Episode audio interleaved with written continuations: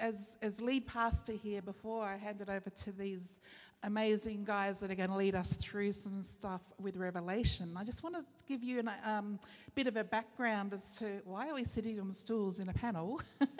Because we're about to start a new series, and it's it's going to be on the Book of Revelation. If you haven't caught that, that's happening. I know a lot of you have been preparing for that in different ways, and so we are going to overturn two, just dig deep into that. And part of the reason that we've got Ben and Adam um, on our preaching team for this is because for years they've been digging into this book and they love this book, which you will find. And they've also just the expression of their life has been really shaped by this book, which you're going to hear through the panel. But for me, I wanted you to know that the reason that we're, we're reading this book in this time is because it was a book written to people under pressure. And haven't we been coming through the pressure valve of, of so many years of what on earth is going on in our world? Not only is it a book that's written about that, it also explains what's going on in, on in our world and why. And so that's the reason that we want to study this book and hear from God in that. And it's, you know me, those of you that know me, it is also the most comprehensive portrait of Jesus. It's the book of Revelation of Jesus. And so I'm just wanting to say, as we read this book, it should lead us to the feet of Jesus. And if it doesn't, if it leads us somewhere else, like to 666 or wars and symbols, if it doesn't lead us to the feet of Jesus, we're not reading it right. And so, what you're going to experience over this time is we're going to just see more of our Jesus.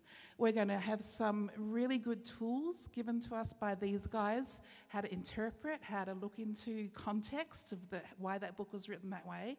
And there was one other thing on my next page here how to apply it. how to apply this book in these days. So, um, you're going to receive a lot if you travel with us during this time. It's a journey, we're journeying through it. And so, as we talk today, you're going to also hear the introduction of it from um, Adam and Ben, but we're also going to invite you at the end, we're going to break, break up into some groups because at every time we want to hear how's that resonate for you? What are you hearing? We want, and we want to pray for each other on this journey. And there will also be opportunities to learn new songs about Revelation, like we did this morning. How good was that? That was all from Revelation, that, that song, that new song we sang today. So I'm saying that because you can expect new things are going to happen as we read this book. Whether you've been here for an hour or whether you've been here for many years, God's opening a new chapter. And we know that because at the end of term one, we recognized, as leadership, we recognized God's opening up a new space for us in this term. Revelation's part of it, but there's also going to be some new things coming through your life as well. And so be expectant for that. Worship leaders, be expectant you're going to get songs during this time. If you are writers, if you are the creative type, expect you're going to be able to express it through different ways. If you're the hospitality type, you're going to see that this book is actually going to help you to express your gifts in many ways. So, are you ready for something new? Yeah. Oh, yeah. Let me introduce you to who's on the panel. We've got Rob Carter on my right. Let's hear it for Rob Carter. uh, Di Hocking here. We've got Ben Chenoweth on the left here and Adam uh, Benner. Adam, I'm going to throw it over to you now. Sure. I'll take over. Um, you'll see me do that a lot. All right, that's like my imaginary clicker to Joe, my faithful assistant. That's not because I think I've you know I've got tickets on myself or anything like that, and I'm like celebrating what I'm saying because I don't. Uh, but here we go. Yeah, into the book of uh, Revelation, right? The Apocalypse of John, the last book of the New Testament, the Holy Book of Secrets, Johnny's Vision Quest. Yeah, yeah, I'm making some of these up. Um, Revelation is a is a sort of it's seen as a difficult book and it can be a, a, confusing book i think and a scary book for some people but confusing for lots of people. You know you look into the book of revelation what do you see? Well you see seals right? You see trumpets. These aren't even my best jokes. I'm just warming up. I really am. Yeah. okay you see four horsemen right? You see falling stars. You see the moon turning blood red right? You see a seven-headed dragon you see dark creatures from the abyss. but what's it all about? That's the question. What is it all about? Now, there's a popular interpretation that goes around about Revelation that says that Revelation is about things which have not yet come to pass. That everything in the book is a literal future event, right? There's a future rapture where Jesus swoops down from the clouds and whisks away Christians to heaven, except leaving those who leaving those behind who weren't ready. Right? Or there's a future seven-year tribulation period. There's a future one-world government. Have I got all those up there? Yeah, future one-world government with a uh, you know silver-tongued, smooth-talking antichrist who appears. That there's a future mark that everyone's going to have to accept or be executed. Uh, there's future plagues falling from heaven uh, at all hours of the day. And you'll hear us refer to this type of thinking as left behind, left behind theology. Now, that's not the proper term for it, um, but that's what we'll call it because I think we can all sort of relate to that sort of that talk. Before it was left behind, it was a thief in the night, or it was uh, the late great planet Earth, Hal Lindsey. This is all the same sort of, all the same sort of wheelhouse. Right? This is the interpretation. I'm going to tell you. This is the interpretation that I was raised with that I was immersed in. And I was right into it, like right into it. So don't see me as like just talking about stuff I don't understand. Believe me, I get this. And if you want to learn how all this works, well, I can tell you. If you have like two hours, I can break the system down for you. But I, just know I, I came from this. I was right, and I would defend this, and I would back this up, and I would show you all the scriptures that sort of defend this point of view. I knew all the ins and outs. But there are significant problems with this interpretation. Significant problems. One being the very the coded puzzle that it makes out of scripture. And I think Ben's going to talk a little bit about that later. Another being importantly the issue of the original audience and what it does with the original audience. Namely, it simply ignores them.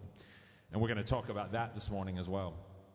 Uh, it also ignores what I think is the most important thing about this book, what the book itself says that it is about. It is the revelation of Jesus Christ. Right? If you read chapter 1 before coming here, maybe you'll read chapter 1 later on this week, I hope you will.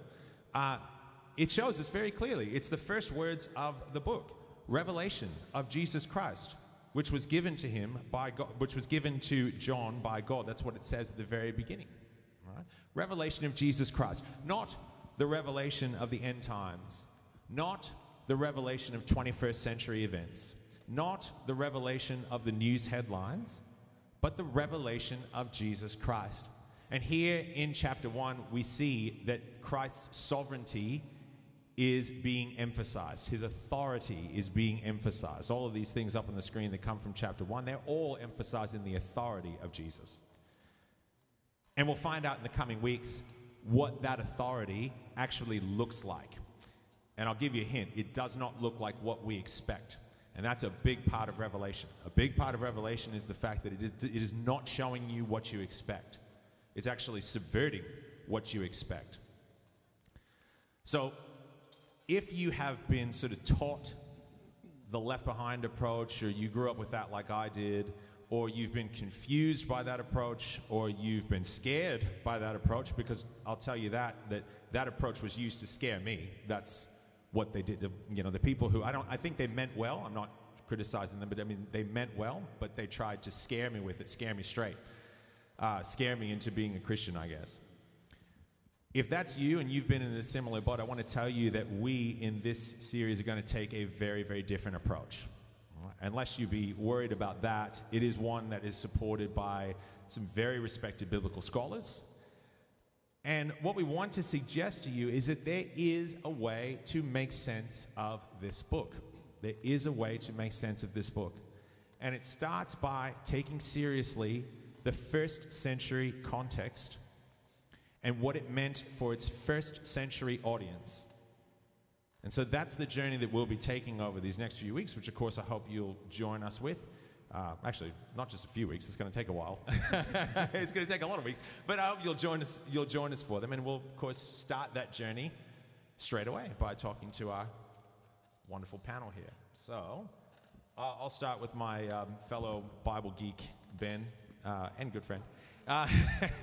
And now you wrote uh, your own book about Revelation, your own novel, and maybe you want to tell us a little bit about what that's, what that's about. Sure. Um, if you've been getting the emails from church, you will have seen that uh, this book is one of the recommended readings for, um, for this series. Um, this is the only physical copy I have, so if anyone wants to part with $15 because they want a physical copy, see me afterwards. I am printing more, but it's actually available as a free download. I thought I'd get the ad out the way first. um, it's a free download um, as an ebook, so um, look for that. There's links and stuff in those emails. Um, yeah, so how, how on earth did I come to write a novel on the book of Revelation? Well, um, I was in Russia, um, and this is the, the International Christian School there. and so part of my job was to teach at this school. Um, one year, they got me to teach the Bible class. The actual Bible teacher had gone off on furlough, I think. Um, so I had um, the Bible class, because normally I was maths and physics. And um, anyway, I think it, it, was, it was all going really well. And then I, th- I think we sort of had a, a week where we had some free time or some spare time, and one of the students asked about the book of Revelation. And, uh, and look, I, I, I admit that I wasn't exactly very um, what's the word? Nice, perhaps. but at the time, because this is in the early 2000s, the Left Behind series was really big. Um, and I just basically said, and I'm pretty sure my words were um, that I thought that the Left Behind series was a travesty of biblical interpretation. well, a kid in the back uh, row puts his hand up and then said, Then how can you be teaching in a Christian school? So for him, that, that particular theology was so entrenched in his understanding of Christianity that if you didn't believe it, you must be a heretic. And, and they couldn't possibly allow you to teach in a Christian school.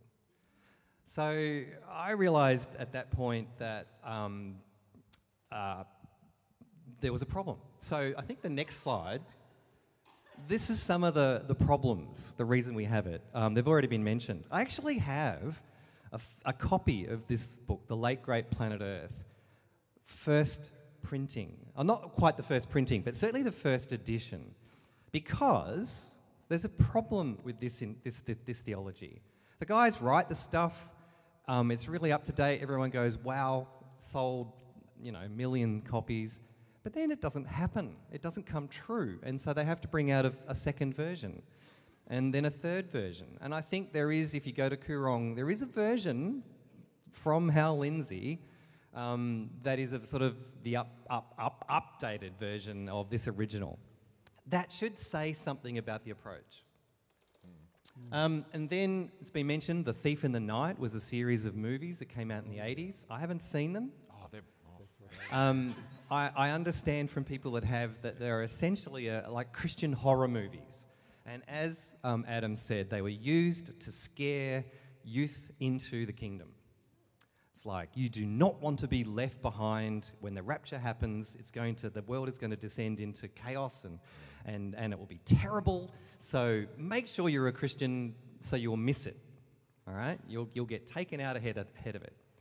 Um, and then, of course, the Left Behind series, um, made into a couple of um, very cheap B grade Christian movies before it was redone with Nicolas Cage.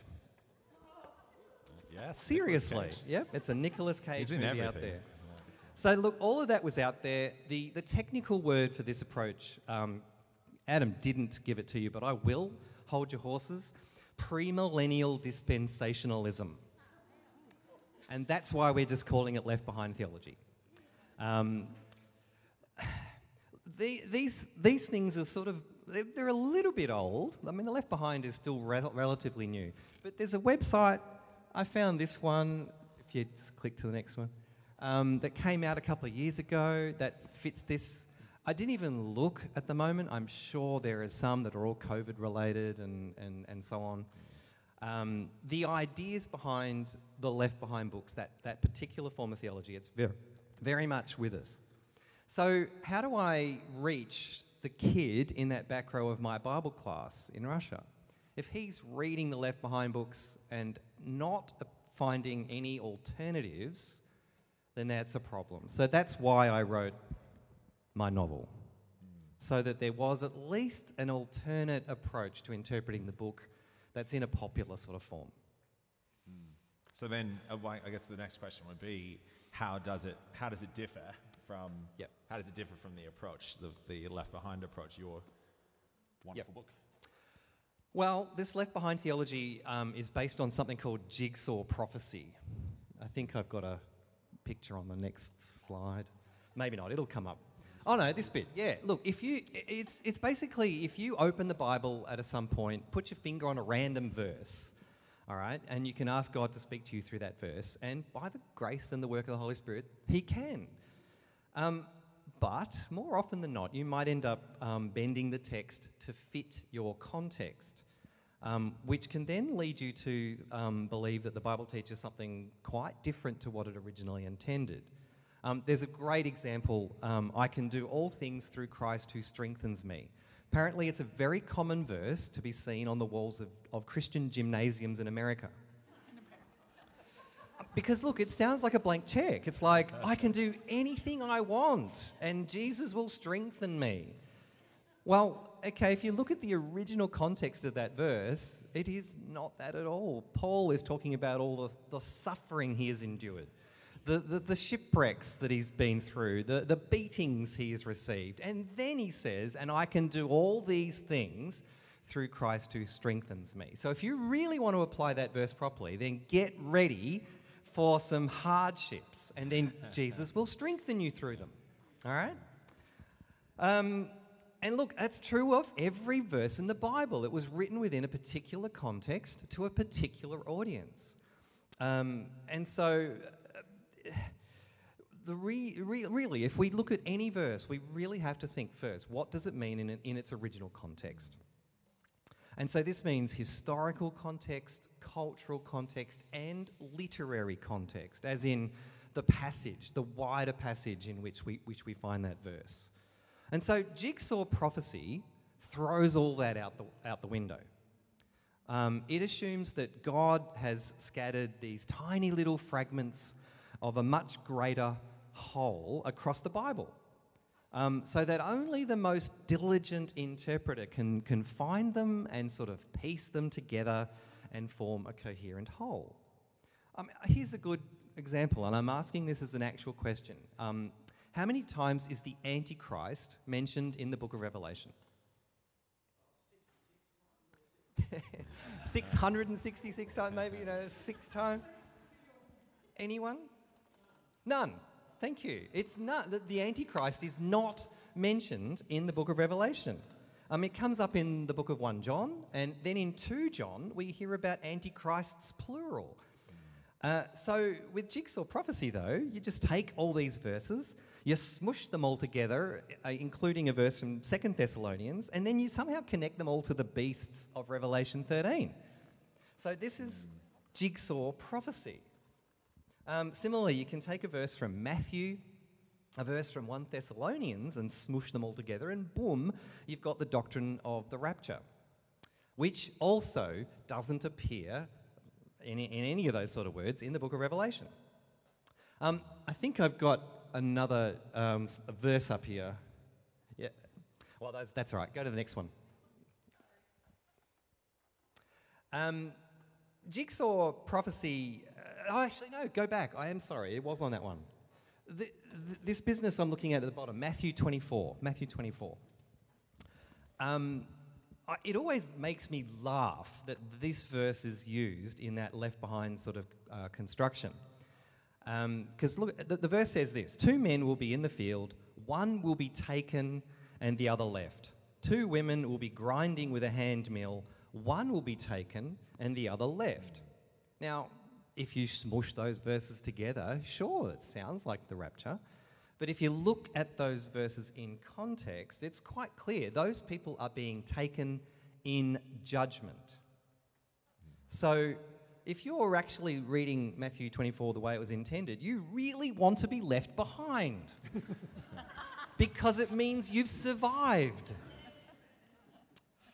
Ah, so, look, the reason it fails, I think, is on the next slide. Thanks, Joe. Um, the people that use this method, they end up constructing uh, an image that they want to construct. I mean, it's like those photo mosaics where you can get thousands of little tiny photos, um, and, and these, these pictures are, are created by a computer program. You feed in the image that you want, and then the program goes off and finds all the little photos to fit um, and gives you the image. Jigsaw prophecy is exactly like that. You start with your vision for the end times, and then you find all the verses that somehow fit into that image. Um, I think I've got the next one. It's the little images, but yeah. So the little images have got nothing to do with the big image, right? They're completely separate. Well, Hal Lindsey, the, the, the, author of this late great Planet Earth, was famous for saying you have to read Revelation in one hand with a newspaper in the other. Because clearly it was written for us. That's, that's his sort of about our time. That, that's his, interp- his, his starting point.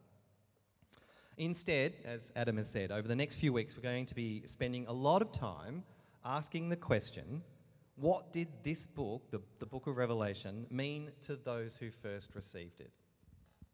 And then only after we've answered that question to the best of our ability can we ask the second question, the secondary question what does the text mean for us today? So that's one difference, mm. um, how I interpret the Bible. But I actually think there's a theological part of it too. It's, the, it's my understanding of God.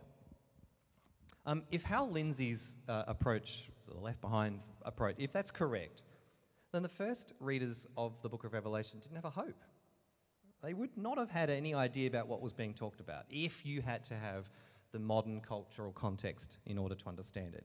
Um, for example, Hal Lindsey um, says that the giant locusts in Revelation 9 are Apache helicopters.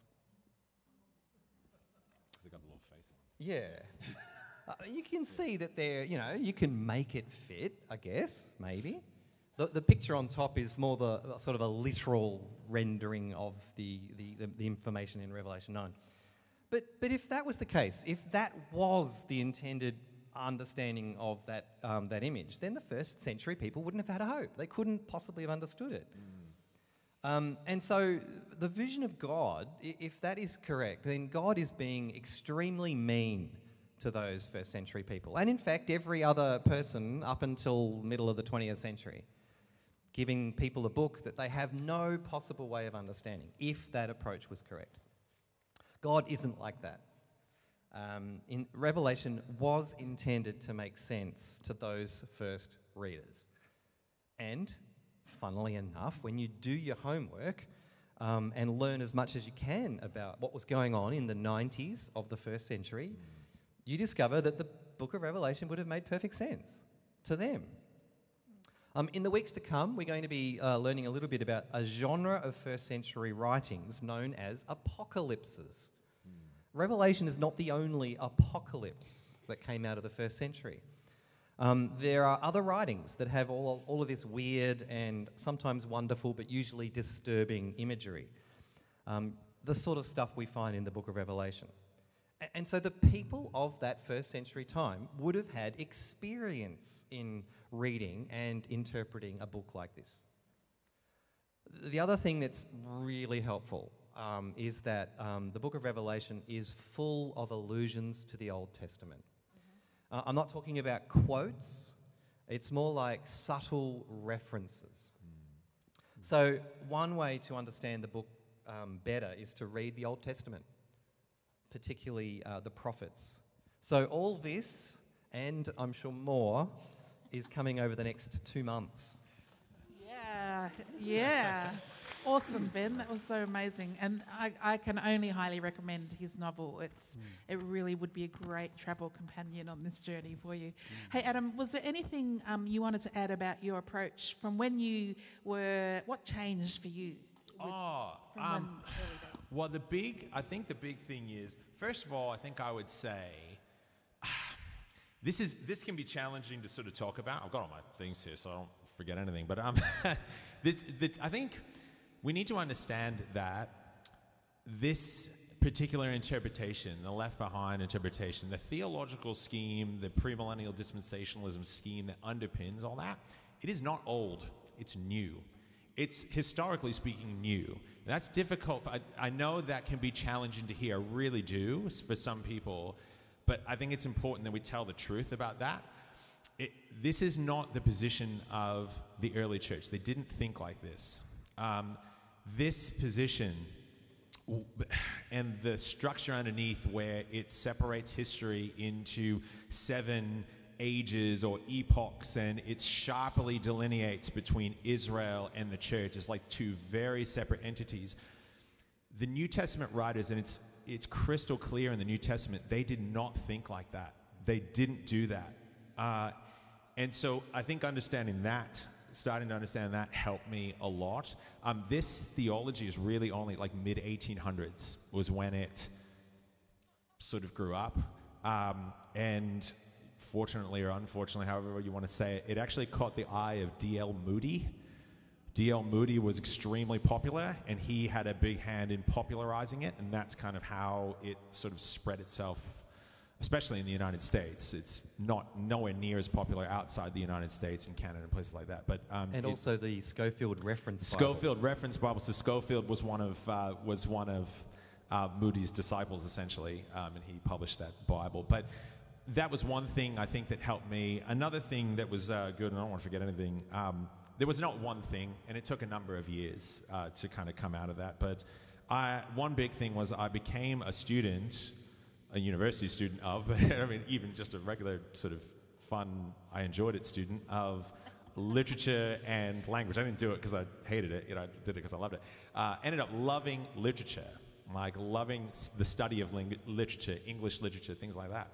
And I realized that a lot of the tools that I learnt in in analyzing English literature, I could actually apply to biblical texts. Do you know, university was the first was the first time that I had ever read a book of the Bible from cover to cover. It was the first time I'd ever done that uh, because my theology was a lot like what you were talking about. Pick a piece from here, a piece from there. Everything about Jesus is delivered to me in bite sized story chunks that, oh, here's what that means and here's what this means. Um, so it was John, it was the book of John, was the first one that I actually read cover to cover. When I did that, I was like, wow, it, it, it changed. It really did. It did change everything. That's not on my notes. I just kind of chuck that in there. Um, but the important thing to understand is that the New Testament, what I've learnt was that the New Testament writers, and we don't give them enough credit for this, they were sophisticated writers. They were sophisticated literary artists. And they really were. They wrote books thoughtfully and with structure. And John is no different. In writing Revelation, it is no different. If you read Revelation as a work of literature, it is a sophisticated work of literature. All right? John, as, as Ben mentioned, he's using an apocal- he's using a genre that already existed. Uh, Revelation is not unique in its genre. I think I have a slide about that somewhere, but oh, there we go. You're right on top of it. I mean, the apocalyptic genre that he's using was well known. It was popular in the centuries leading up to Christ, and in the first century, especially popular. And they all work like there's always a speaker who is guided on a heavenly journey or a visionary journey to show that speaker the heavenly or spiritual realities behind events on earth. And they are always, and I want to stress this, they are always current events for the readers of the book. So the events that they are unveiling, and that's what apocalypse means, by the way. Apocalypse doesn't mean boom, destruction, the end of the world. That's not what apocalypse means. Apocalypse is a Greek word, it means to reveal or to unveil something. I'd remember this because he'll ask you this next week. What does it mean, everyone?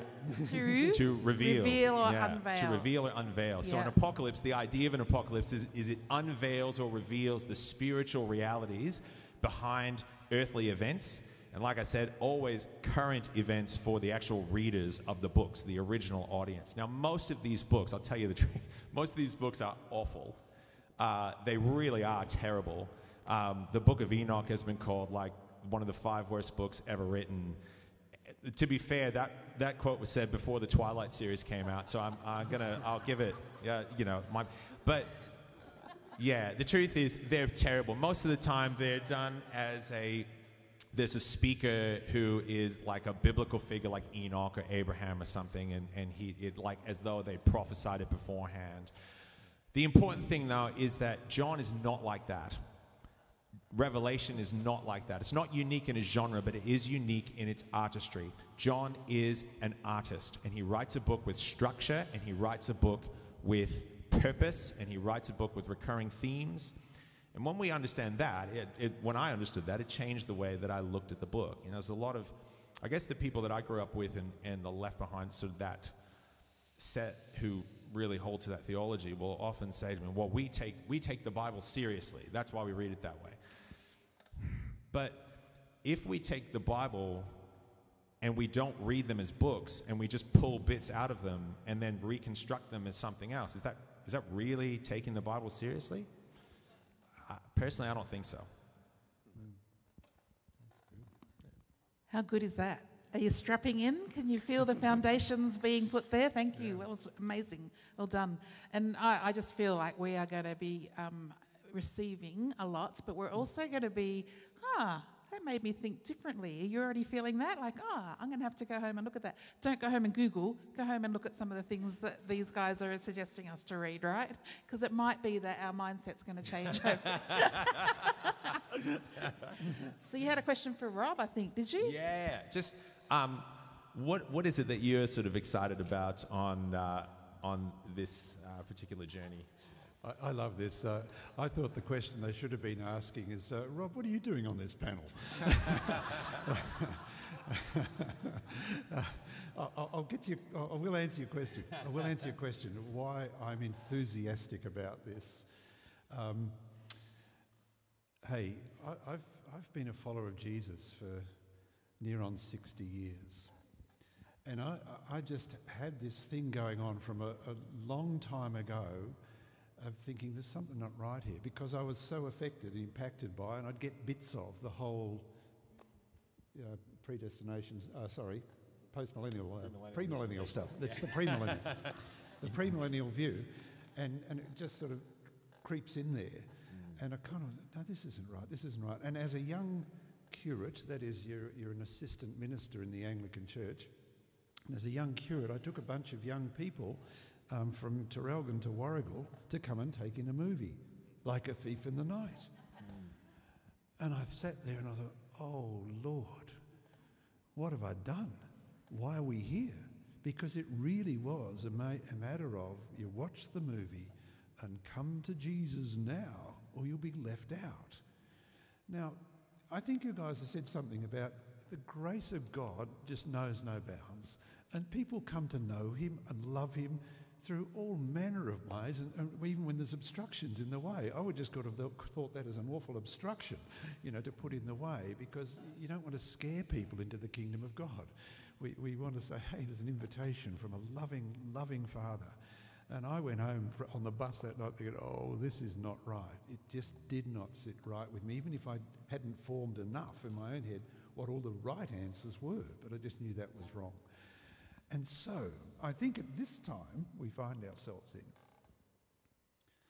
And particularly with the turmoil of our world, international politics, politics in our own land, um, stuff that's been heaving and pushing all over the place, the whole COVID thing, and people are quick to suddenly say, This is it, this is it, he's coming, he's coming. And I will be the first to say, brothers and sisters, I want to live every day in, in the hope of his return, and that it could be any moment now. But, but Jesus also said, No one knows the hour or the day. So anything that starts to tell me this is it, this is it, I think, no, I don't think so. And for all who, who know and love him, we will just know because it will be obvious from one end of the earth to the other. So I'm, I'm excited, um, full of enthusiasm, and, and I want to add, I feel blessed at this time, just to, not to just stroke these guys, but I am stroking them, aren't they? How privileged are we? to have a couple of Bible geeks like these two.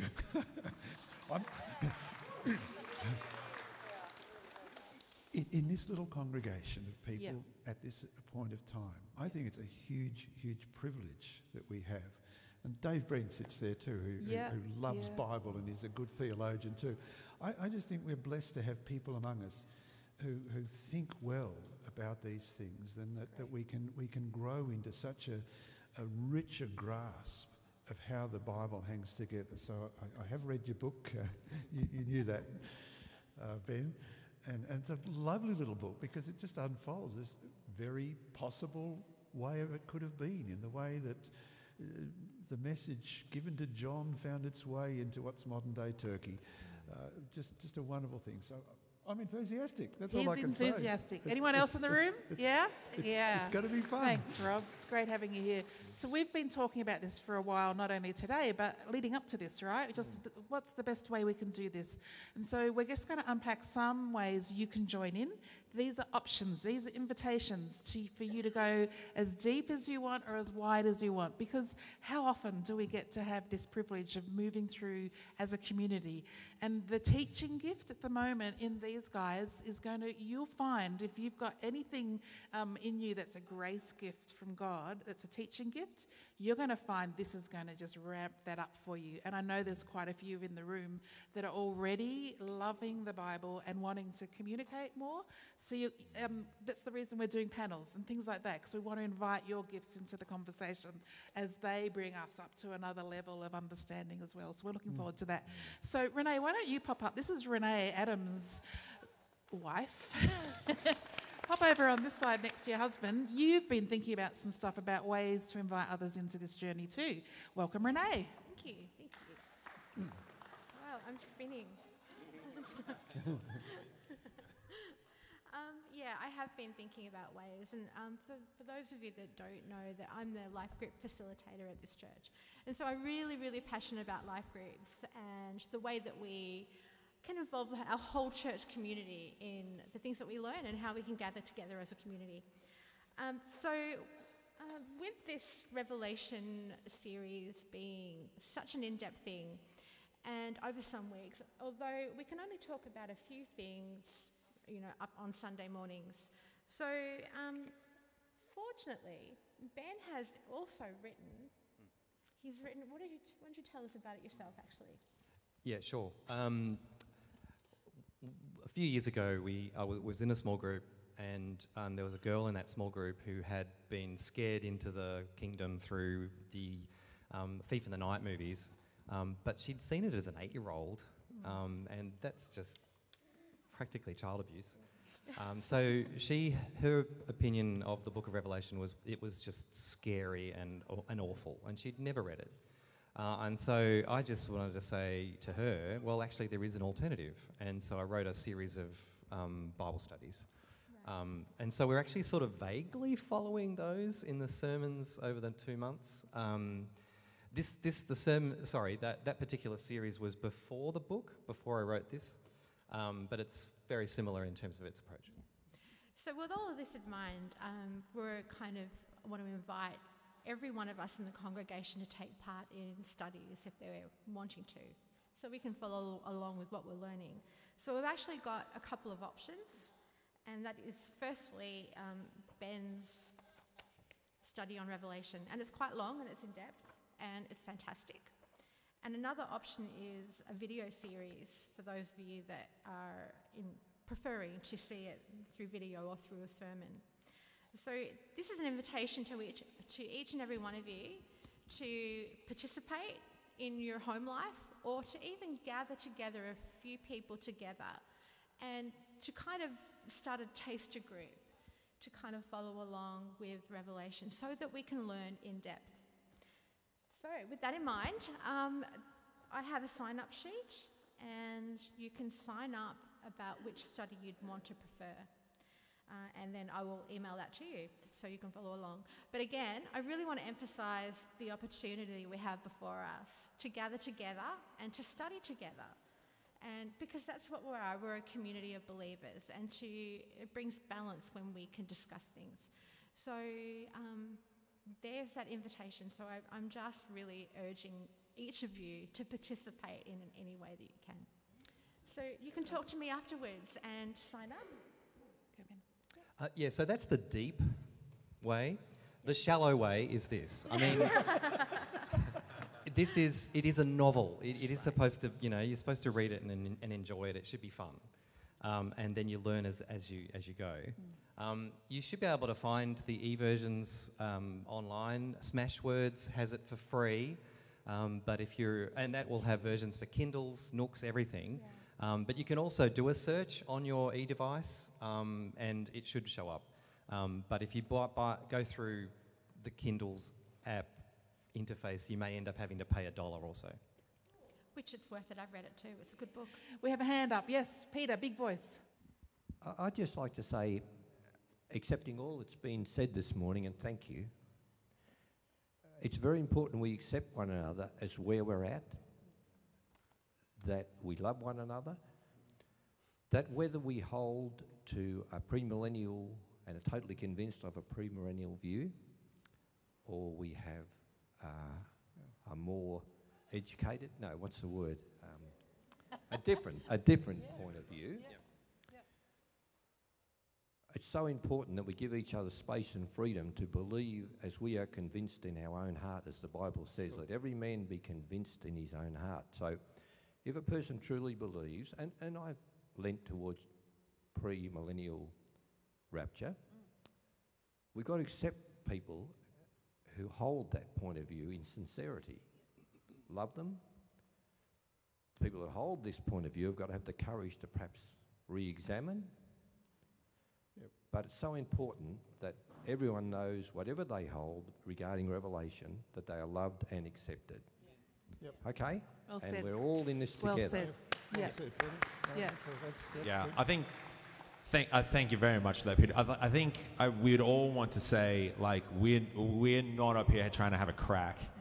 Um, we really are just trying to uh, talk about the things that we've studied and learned. I mean, when we, uh, well, we will, to be honest, I'm not going to lie to you, we will try to convince you. I mean, it's, I mean, it's, we can only, like I, I said earlier, we're trying to, we're trying to as best we can tell the truth, but we're also trying to do that as much as we can in, in a humble way. We're not trying to tell you, ah, you're wrong, and you need to. You, I mean, we're trying to sort of open things up a little bit to see what we see in there, and then at the end, all we can really do is present what's there. But please don't. I, I just want. I kind of just wanted to say, please don't hear us as having like having a go, um, because that's not that's not our intention at all. Thank you, Peter, for sharing that too, because that just balances out also the journey that we're all on, and we're all going to be at different paces and stages, and also perspectives. So, really appreciate your wisdom in that, and we do receive that as well.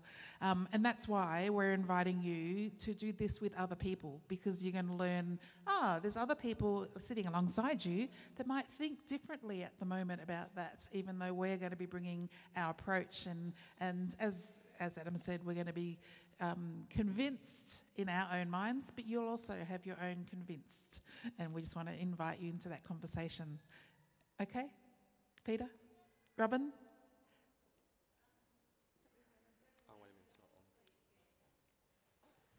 The name of the book. The name of the book? Oh, Up on screen. Yeah. The Ephesus Scroll. So, this is this is exactly what's happening now. We are ready to have a chat about it, and so what we're going to do now is just for the next five, ten minutes, I'm going to ask you to turn into groups of four, just so you can move your chairs around, find some people maybe that might have a different perspective that's not in your household, and we're going to take a time first of all to ask. Where are you at with the Revelation conversation? How- what do you make of that? Where, where we're at today, or even where did you start with your first connection with Revelation? And then, don't move yet. Then, I want you to finish with praying for one another. What, how can I pray for you as we leave today? We want every person to know that they've also had the opportunity to receive it's a ministry of God from uh, from God. Okay, so we will be giving you a wind up in about ten minutes. I know that's a lot, so you might even just say, "I'm going to do that in pairs" because we can't can't quite possibly get through four people at once. But now's your time to stand up, move your chairs towards someone, and we'll give you a ten minute break to talk through that. Renee is going to be over there. If you want to immediately go and talk to her, that would be a good time to do that now as part of your conversation. So she's walking over there to that side of the room. And thank you again just for, let's just jump in these groups and we'll be finished in 10 minutes.